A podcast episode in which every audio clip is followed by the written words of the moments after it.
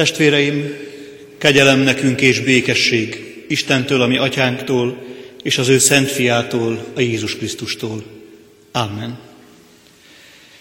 Testvéreim, mai estén hitmélyítő tanító Isten tisztelten lehetünk együtt.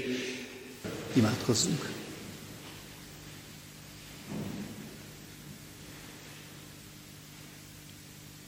Urunk Istenünk, úgy állunk most előtted, mint a te néped. Úgy állunk most előtted, mint akik tőled neveztetnek népnek. Mert tudunk akárhogy szeretnénk is a tieid lenni, ha te nem akarnál minket, nem lehetnénk azok. Köszönjük, Urunk, hogy mi lehetünk a Sion, akinek van küldetése. Mi lehetünk a te néped, akire feladatod vízol. Nem azért, mert mindenkinél alkalmasabbak lennénk, hanem mert Te tettél minket a Te népeddé. Urunk, nem tőlünk van ez a csoda, nem tőlünk van ez az érdem. Mert ha tőlünk volna, akkor egyáltalán nem a Te néped lennénk, csak saját magunké.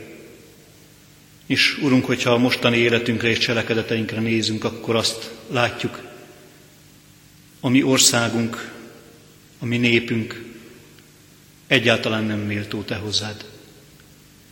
De köszönjük, hogy te teszel alkalmassá és méltóvá veled való közösségre. Nem a mi cselekedeteink, nem a mi szavaink, legyenek azok bármi szépek az emberek előtt. Köszönjük, Urunk, hogy te teszel minket a te népeddé. Kérünk téged, te, aki királyunk vagy, látogass most meg minket.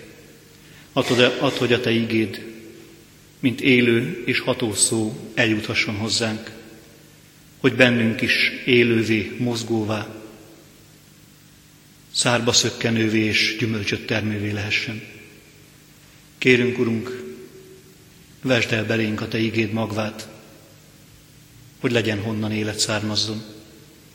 Kérünk, Urunk, ami feladatot ránk bízol, hadd tudjuk azt hűséggel, szeretettel, ha nem is tökéletesen, de a tőled kapott erővel végezni. Kérünk, Urunk, ezért szólj most hozzánk lelked által. Szentlélek Úristen, jöjj közénk, maradj velünk. Amen. És testvérem, még mindig a helyeteken maradva hallgassátok meg először a Heidelbergi KT 86. kérdésfeleletét, mint ami alapján mai esti igénk is kiválasztódott. 86. kérdés felelet így hangzik. Most csak egyszer olvasom, úgyhogy nagyon tessék figyelni. Mivel tehát a mi nyomorúságunkból minden érdemünk nélkül kegyelemből szabadulunk meg Krisztus által, miért kell jót cselekednünk? Azért, mert Krisztus, miután vére árán megváltott, szent lelke által meg is újít minket az ő hasonlatosságára a végre, hogy egész életünk folyásával megmutassuk Isten iránt való háládatosságunkat az ő jó téteményért, és így Isten dicsőítessék általunk, továbbá azért is, hogy a mi hitünk felől annak gyümölcsei által mi magunk is bizonyosakká legyünk, és Istenes életünkkel fele barátainkat is megnyerjük Krisztusnak.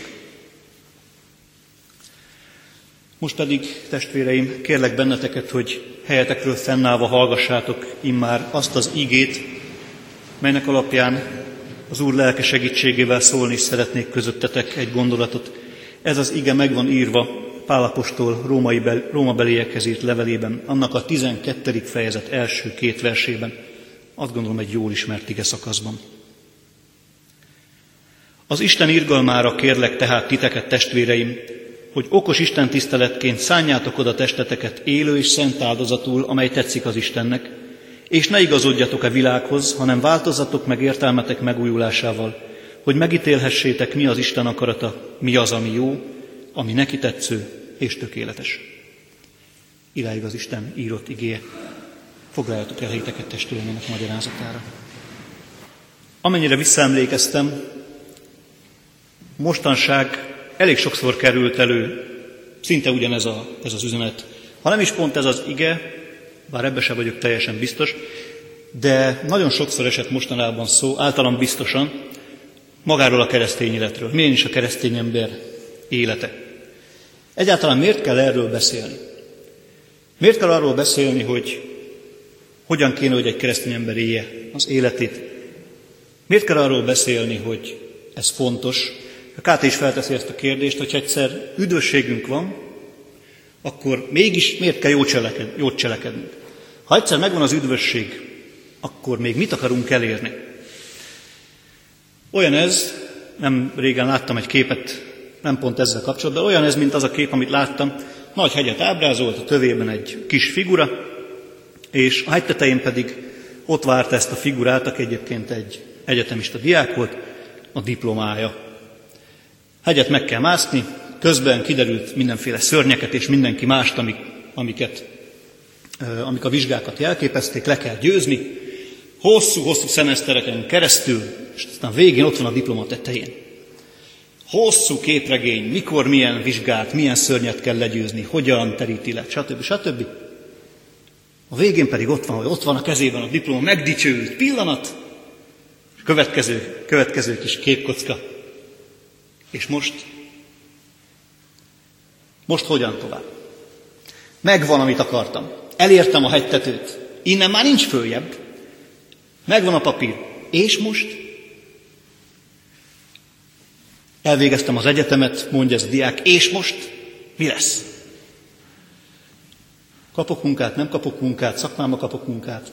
Azt gondolom, hogy ezek azért aktuális kérdések tudnak lenni.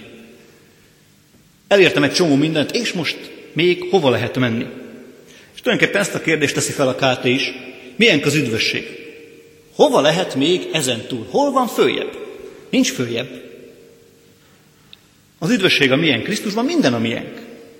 Miről beszélünk még? Miért kell a 86. kérdés felett? Miért tegyünk jót? Hiszen azzal, hogy jót teszünk, az üdvösséget már nem tudjuk jobban elérni, mint amennyire megvan. Akkor most hogyan tovább? Jó lehet a hegyet, amit egyébként nem imáztunk meg, de végül is a tetején Krisztus által elértük a célt, megvan az üdvösség. Hova tudunk még mászni? Mi az, ami még kell a keresztény életben? Hiszen mindenünk megvan elvileg, nem? Révbe értünk. Hajónk elérte a kikötőt. Ugyan vannak nehézségeink, van még pár évünk, évtizedünk ebben a föld életben, de hát igazából a lényeg már megvan most is. Az örök élet már elkezdődött. Akkor mit kell még nekünk egyáltalán tenni? Megnyugodhatunk, megvan az üdvösség. És ez ilyen kicsit ilyen szent tétlenségnek hat első hallásra. Ha már megvan, akkor nem kell semmit se csinálnom. De Pál mégis azt mondja, hogy azért a keresztény életben mégis vannak feladatok, és ebben előre lehet jutni. Lehet, hogy az üdvösség szempontjából már elértük a célt, de a keresztény életünk szempontjából csak a csúcson kezdődik igazából. Csak ha megvan az üdvösség, akkor kezdődik el az a keresztény élet, amivel kapcsolatban és amelyben nagyon is sok feladatunk van. És ez a keresztény élet a mi hétköznapi valóságunk. A hegycsúcs egy ünnepi pillanat, a keresztény élet pedig a hétköznapok valósága, talán monotonitása is. Erről beszél a KT is, erről beszél az ige is, ezekről a keresztény hétköznapokról, amiben, és mégis azt állítja, van fejlődés, van előrelépés. Én most a testvérek előtt természetesen az igét szeretném magyarázni, amennyire szerény képességeimből telik, de azért lesz kapcsolat a KT-val. És az egyetlen egy gondolat, amit én magamnak is megfogalmaztam az ige kapcsán, az tulajdonképpen ennyi. Az Isten képessé tesz a keresztény életre. Az Isten képessé tesz a keresztény életre, de ezt akarnom is kell az értelmemmel, és akarnom kell a cselekedeteimmel, a cselekedetek szintjén is. Azt hiszem, hogy ismerjük azt a rövid kis latin mondatot, amivel a keresztény embert jellemzi Luther Márton, Simu Justus et peccator. Egyszerre megigazult, egyszerre igaz, és egyszerre bűnös. Egyszerre igaz, egyszerre bűnös, illetve egy másik latin mondással, talán ebből következően, tud már nem vétkezni, possa non peccare, képes már arra a keresztény ember, hogy végre ne vétkezzen. Miért akkor a csoda ez? Azért akkor a csoda ez, a két, és ezt a két kifejezést azért hozom most a testvérek elé, Hát pontosan ma olvastam egy cikket, Köntös László testvérem, kollégámnak a, az írását, cikkét, amiben pontosan azt hozza, hogy azok az emberek, akik az egyházon kívül vannak, akik nem az egyházban élnek, bármilyen szempontból is, azok valamiféle tökéletességet próbálnak vizionálni a keresztény emberre. Azt gondolják, hogy aki keresztény, annak tökéletesnek kell lennie erkölcsi értelemben mindenképpen. És leginkább ebből az irányból szokták a keresztény ember szemére vetni azt, hogy ha te keresztény vagy, akkor ezt, ezt, ezt és ezt hogy csinálhattad meg, hogy gondolhattad. Erkölcsi értelemben jogos a kritika. A probléma az, hogy pontosan ezt a simul justus et peccátort, ezt az egyszerre igaz és egyszerre bűnöst nem értik.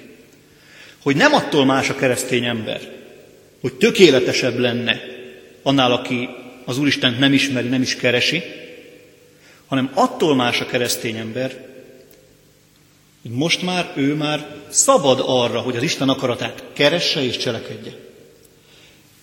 Nem attól más, bűntelenebb vagy tökéletesebb, abban más, hogy egyáltalán felmerül a kérdés, mi az Isten akarata?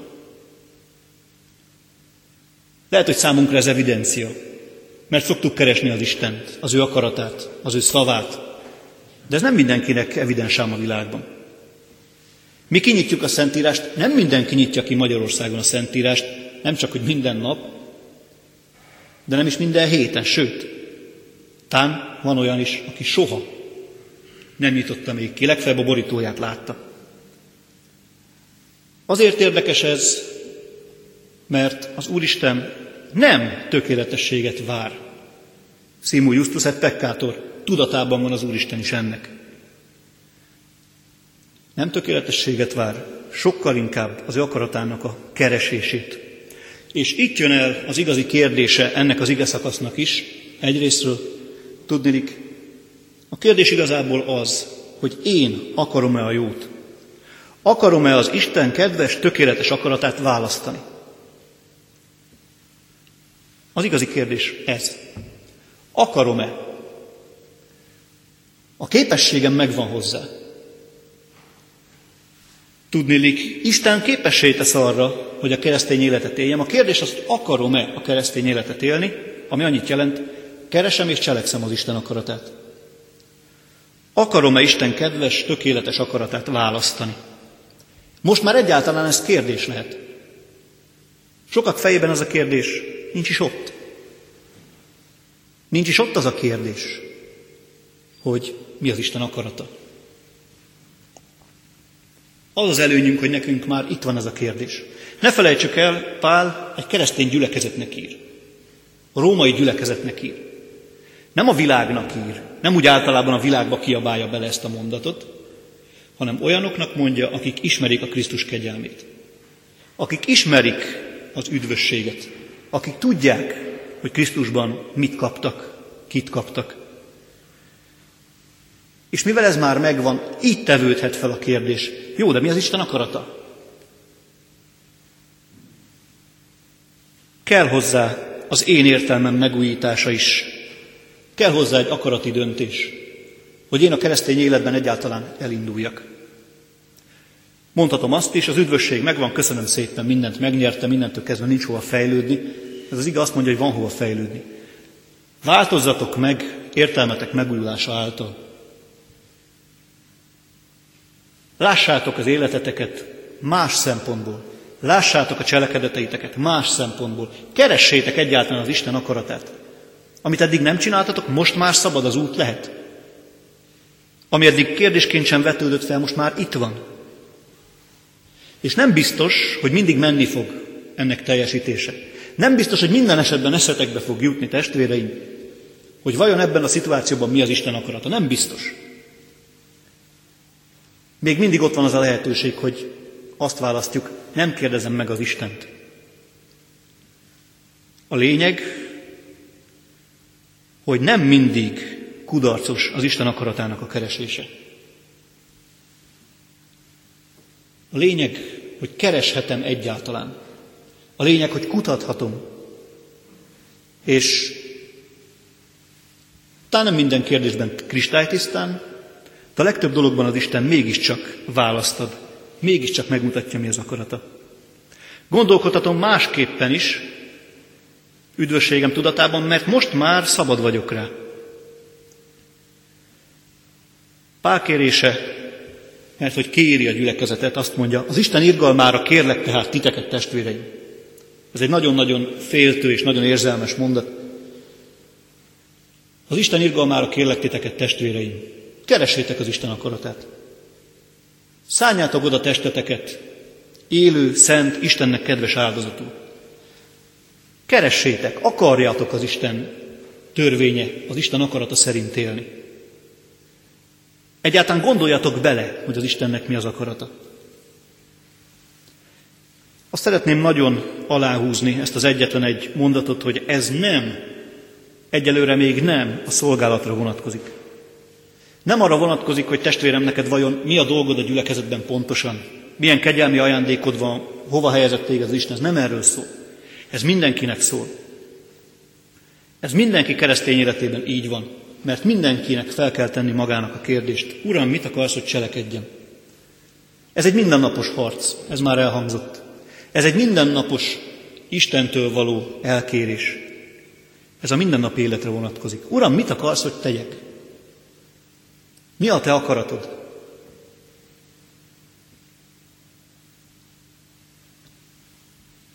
Mindennapos dolog.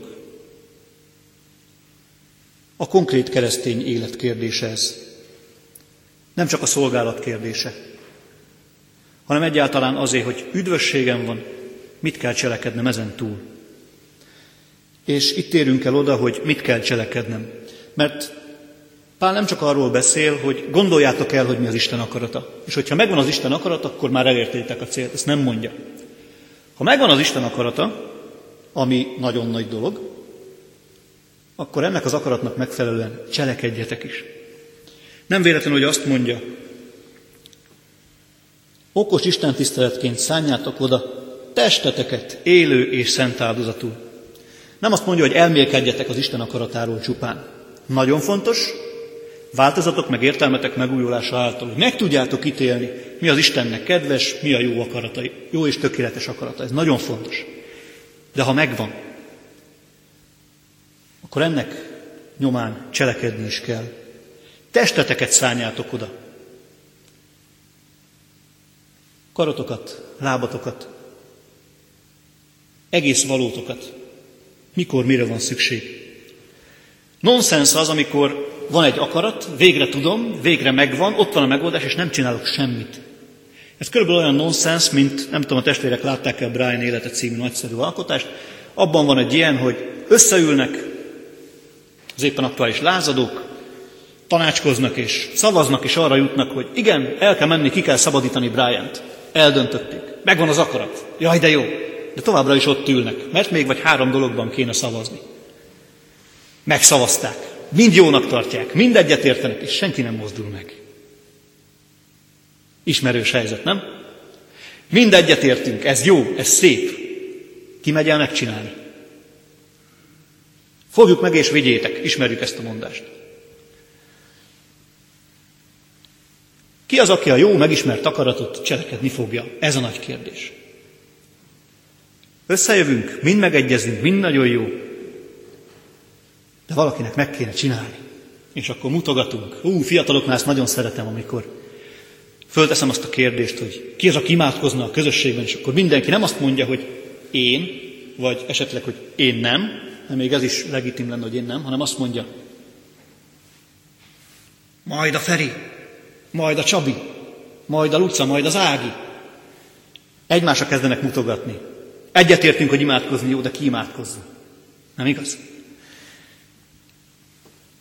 Szavazunk, egyetértünk, megvan az Isten akarata, nagyon jó, és itt megáll a tudomány. Nem feltétlen kell megálljon a tudomány. Az ige azt mondja, nagyon is lehet ebben előrelépni, nagyon is lehet. Ha meglátjuk az Isten akaratát, mert hogy keresésünket siker koronázta, akkor e szerint is kell cselekednünk. És általában ezen a ponton vannak hiányok. Hogy miből adódnak ezek? Mi, mi ez a megtorpanás? Bátortalanság? Félelem? Vagy, és ezt nagyon félve mondom, hitetlenség, hogy valójában az Isten akarata a valóságban nem is fog működni? Az Isten jó akarata esetleg, amikor a valóság mérlegén megmérjük, akkor kudarcot valhat.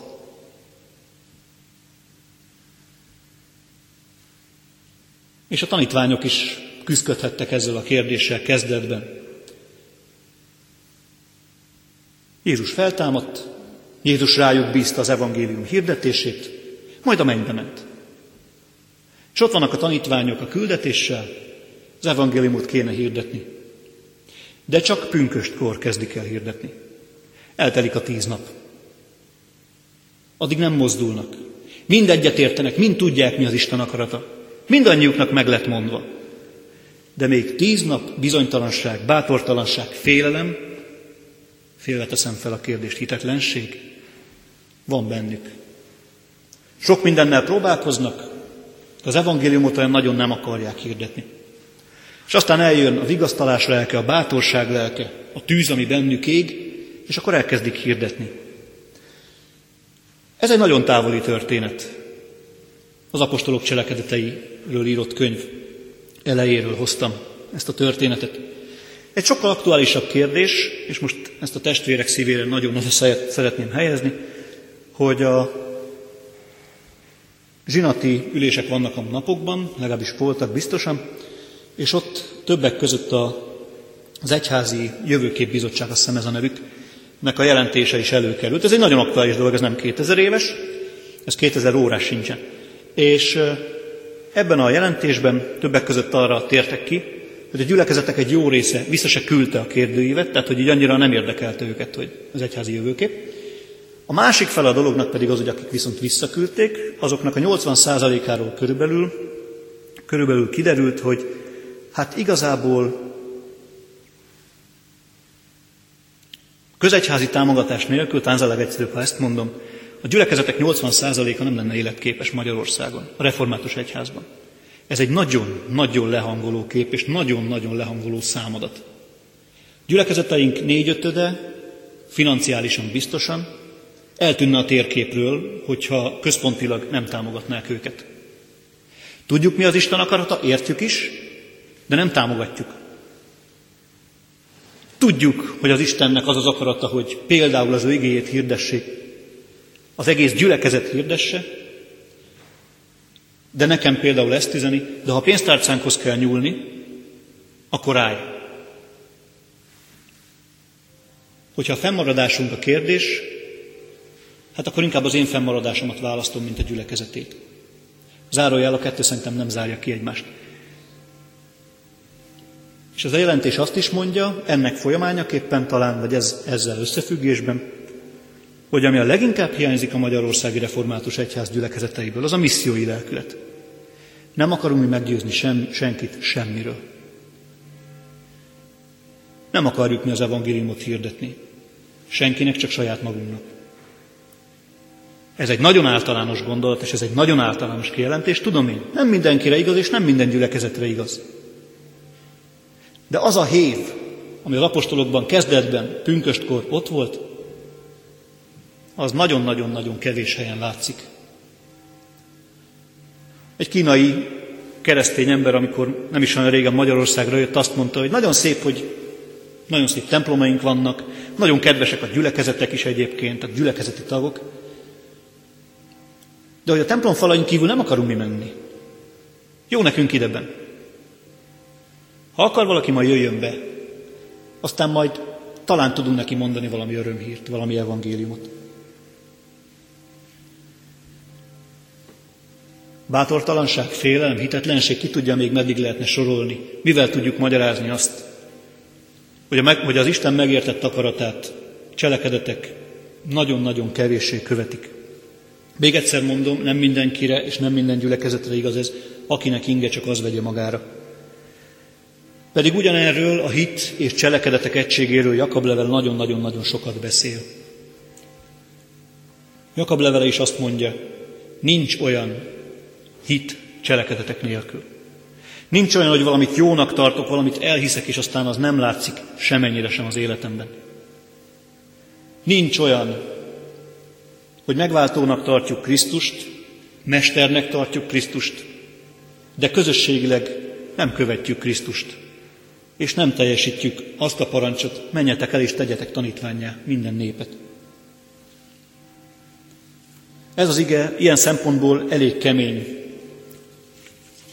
Gyülekezetnek szól, egy már meglévő gyülekezetnek, római gyülekezetnek. És a római gyülekezetet is úgy kell felrázni a pálnak. Éljétek már a keresztény életet. Akarjatok már jót cselekedni. Ne gondoljátok, hogy azzal, hogy üdvösségetek van, azzal az életetek is véget ért. Ne gondoljátok, hogy nincs feladatok ebben a világban, hogyha egyszer már az üdvösségetek megvan. És ne gondoljátok, hogy egyedül vagytok ebben a bizonyos keresztény életben. Mert ezt nagyon erősen mondja Pál, Isten képessé tesz a keresztény életre. Isten az, aki igazán képessé tesz erre, de neked is akarnod kell. Akarnod kell keresni az Isten akaratát, és akarnod kell cselekedni is az Isten akaratát. Erről volt szó igazán ma este. Én kívánom a testvéreknek, hogy ebből az isteni akaratból minél többet meglássanak, kívánom ezt saját magamnak is, és hogy ezt az isteni akaratot meglátva tudjunk egyen-egyenként is, de még jobb lenne közösségként cselekedni. Mert ez nem csak a kiváltságosok dolga, de mindannyiunké. Amen. Testvéreim, most egy-két perc Csendet szeretnék a testvéreknek adni, hogy saját egyéni imádságukat is az Úristen elé viessék, és aztán majd közös imádsággal, hangos szóval imádkozunk még az Úrhoz.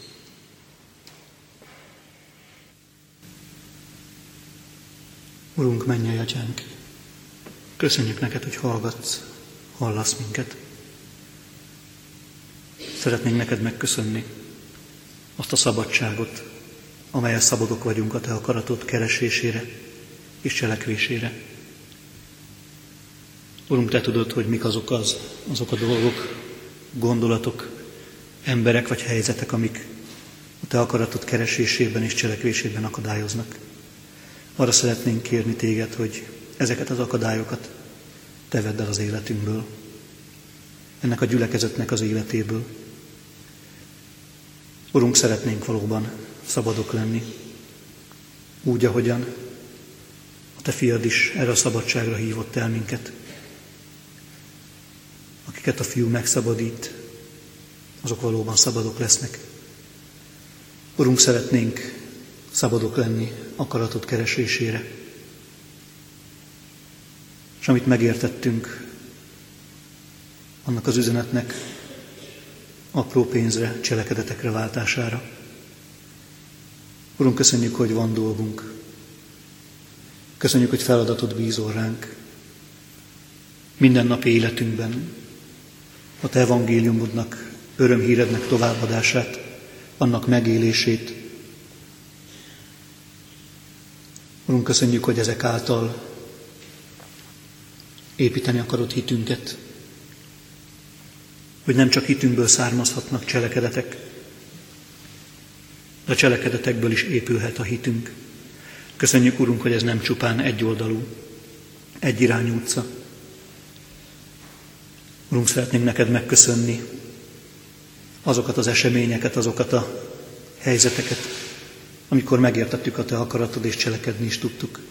Urunk, olyan megerősítő, amikor látjuk, hogy a Te akaratod nem csak szó, nem csak pusztába kiáltott hang, hanem az élet valóságában is megállja a helyét, sőt, abból származik igazán az élet.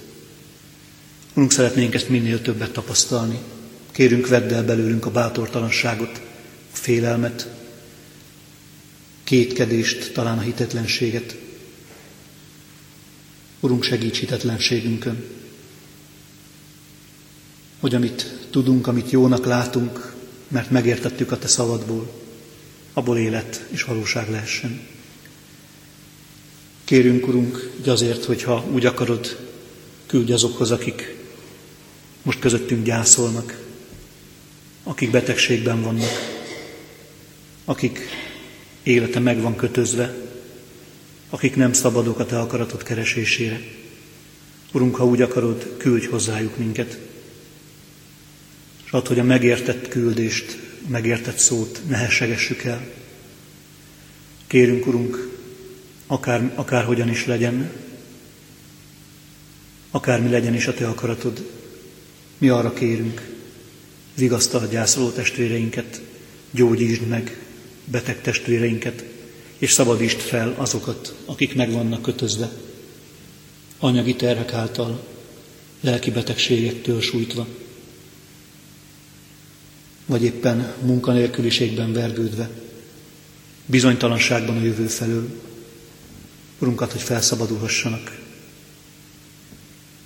és dicsőíthessék ők is a Te nevedet. Urunk, kérünk, ha mi vagyunk ilyen helyzetben, szabadíts, vigasztalj, gyógyíts minket. Kérünk, Urunk, országunk vezetőiért is,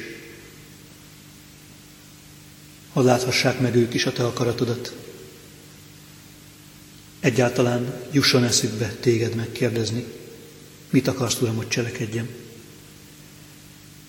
Kérünk téged, adj nekik bölcsességet, belátást, jó indulatot és szeretetet, irántad is és irántunk is. Urunk, kérünk városunk vezetőért ugyanezekre, bölcsességed és akaratod szerint. Légy velük, ahogyan velünk vagy. Urunk, kérünk, add, hogy teljesedni tudjon az életünk, add, hogy ki tudjon bennünk teljesedni a Te országod. Amen. Most pedig testvéreim, gyertek, és helyetekről fennállva már imádkozzunk Krisztustól tanult szavakkal. Mi atyánk, aki a mennyekben vagy, szenteltessék meg a te neved. Jöjjön el a te országod, legyen meg a te akaratod, amint a mennyben, úgy itt a földön is.